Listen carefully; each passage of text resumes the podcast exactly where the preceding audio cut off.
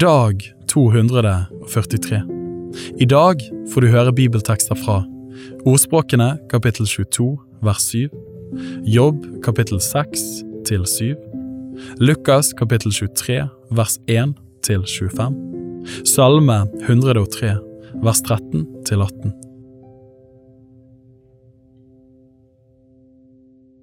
Ordspråkene kapittel 22 vers 7 Den rike hersker over de fattige, og låntakeren blir långiverens trell.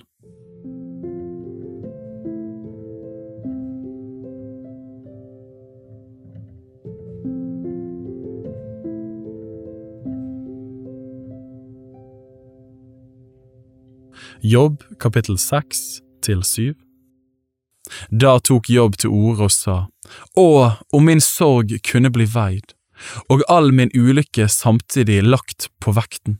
For nå er den tyngre enn havets sand, derfor var mine ord overilet.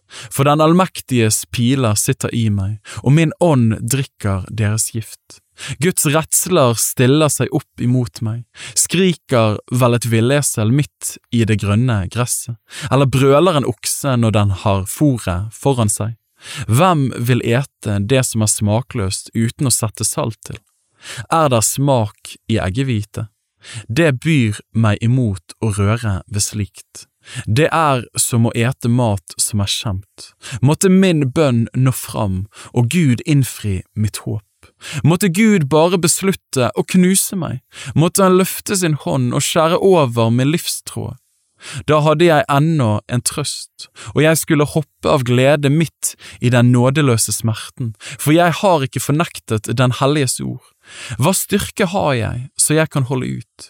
Hvilke utsikter har jeg så jeg kan være tålmodig? Er jeg sterk som en stein? Er mitt kjøtt som av kobber? Har jeg vel kraft til å hjelpe meg selv? Er ikke all utsikt til frelse tatt fra meg? Den ulykkelige burde møte kjærlighet hos sin venn, så en ikke skal oppgi frykten for den allmektige. Mine brødre har sviktet som en bekk. Elveleiet var fylt av vann, men så blir det borte. Vannet var grumset av is, blandet med snø, men når heten kommer, tørkes det ut, for solens glød svinner det bort. Karavaner bøyer av fra veien, de drar opp i ørkenen og omkommer.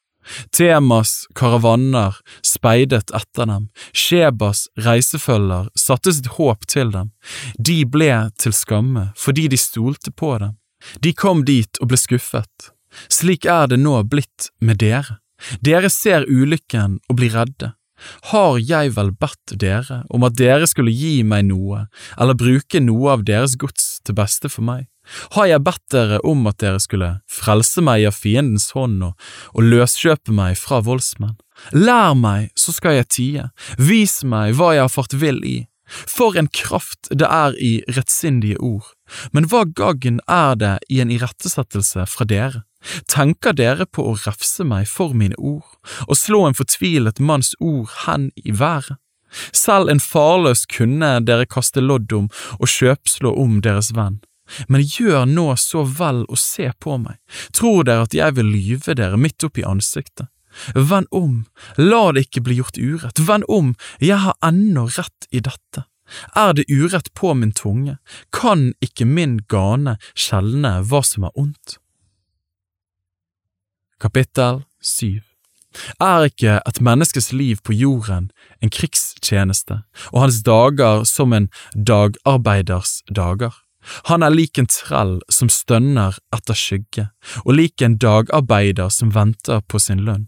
Slik har jeg fått i eie måneder fulle av nød, og netter fulle av elendighet er falt i min lodd. Hver gang jeg legger meg, sier jeg, når kan jeg stå opp? Lang blir kvelden, og jeg blir trett av å kaste meg hit og dit inntil morgenlysningen. Mitt kjøtt er kledd med makk og med skorper som av jord.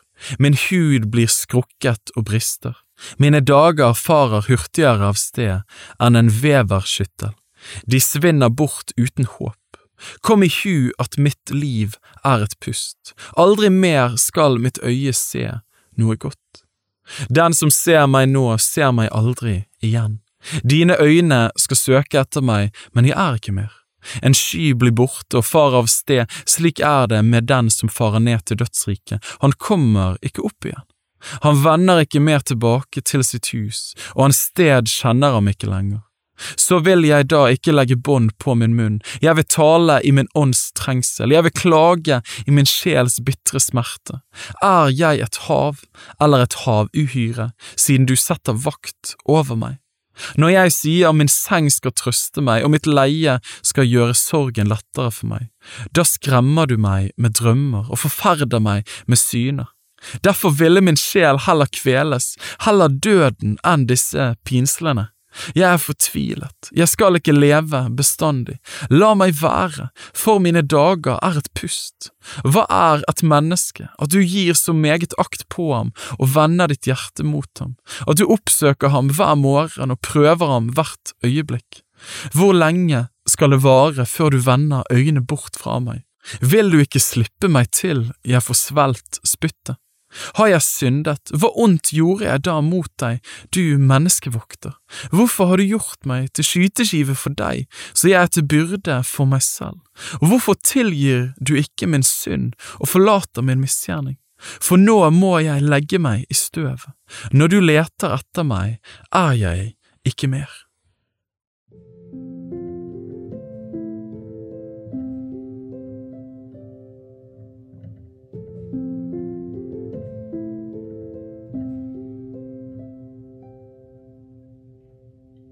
Lukas kapittel 23 vers 1 til 25 Hele flokken brøt opp og førte ham til Pilatus, og de begynte å anklage ham og sa, Vi har funnet at denne mannen fører folket vårt vill, han forbyr å gi keiseren skatt, og han sier om seg selv at han er Messias, en konge. Pilatus spurte ham, Er du jødenes konge? Han svarte ham og sa, Du sier det. Men Pilatus sa til ypperstepresten og folket, Jeg finner ingen skyld hos denne mannen. Men de presset på og sa, han oppvigler folket ved å lære over hele Judea. Han begynte i Galilea, og nå er han kommet helt hit. Da Pilatus hørte dette, spurte han om mannen var galileer, og da han fikk vite at han var fra Herodes myndighetsområde, sendte han ham til Herodes, som også var i Jerusalem i de dagene. Da Herodes fikk se Jesus, ble han meget glad. Han hadde i lang tid ønsket å få se ham, for han hadde hørt om ham. Nå håpet han å få se et tegn av ham. Han spurte ham da med mange ord, men Jesus svarte ham ingenting. Ypperstepresten og de skriftlærde sto der og anklaget ham heftig. Også Herodes med krigsfolkene sine hånet og spottet ham. De la en skjeende kledning om han og sendte ham tilbake til Pilatus. Denne dagen ble Herodes og Pilatus venner. Tidligere hadde det vært fiendskap mellom dem. Pilatus kalte da sammen yppersteprestene og rådsherrene og folket. Han sa til dem, dere har ført fram for meg denne mannen som en folkeforfører, og se, nå har jeg forhørt ham i deres nerver. Men jeg har ikke funnet denne mannen skyldig i noe av det dere anklager ham for. Herodes heller ikke, for jeg sendte dere til ham. Og se, han har ikke gjort noe som fortjener døden. Derfor vil jeg refse ham og så gi ham fri. Men i høytiden måtte han gi dem en fri. Da ropte de alle som en og sa, Bort med denne, gi oss Barabas fri. Dette var en som var satt i fengsel for en oppstand som hadde vært i byen, og for et mord. Pilatus talte da igjen til dem, for han ville gjerne gi Jesus fri, men de ropte tilbake, Korsfest, korsfest ham! For tredje gang sa han til dem, Hva ondt har da denne mannen gjort? Jeg har ikke funnet noe dødsskyld hos ham, derfor vil jeg refse ham og så gi ham fri. Men de trengte på med høye rop og krevde at han skulle korsfestes, og skrikene deres fikk overtaket. Pilatus felte da den dommen at det skulle skje som de krevde. Han ga den fri som de ba om, han som var satt i fengsel for opprør og mord, men Jesus overga han til deres vilje.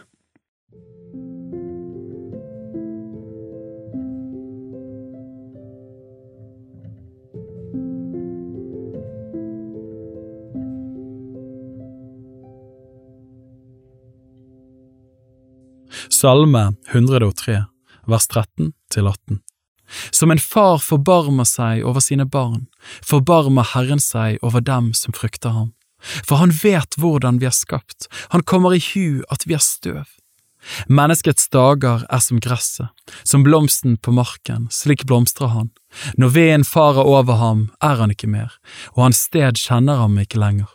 Men Herrens miskunnhet er fra evighet til evighet over dem som frykter ham, og hans rettferdighet når til barnebarn, for dem som holder hans pakt, og dem som husker hans bud så de gjør etter dem.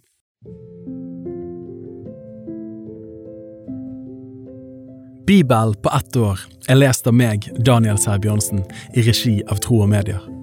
Oversettelsen er Norsk bibel 8807, og bibelleseplanen er hentet fra deres bok Ett års bibel. Hvis du ønsker å bli bedre kjent med Tro og Medias arbeid, og stå sammen med oss i å nå nye mennesker på nye måter med verdens beste nyheter om Jesus Kristus, se vår nettside troogmedier.no, og gjerne meld deg på vårt nyhetsbrev for å få de siste spennende oppdateringene. Ha en velsignet dag videre.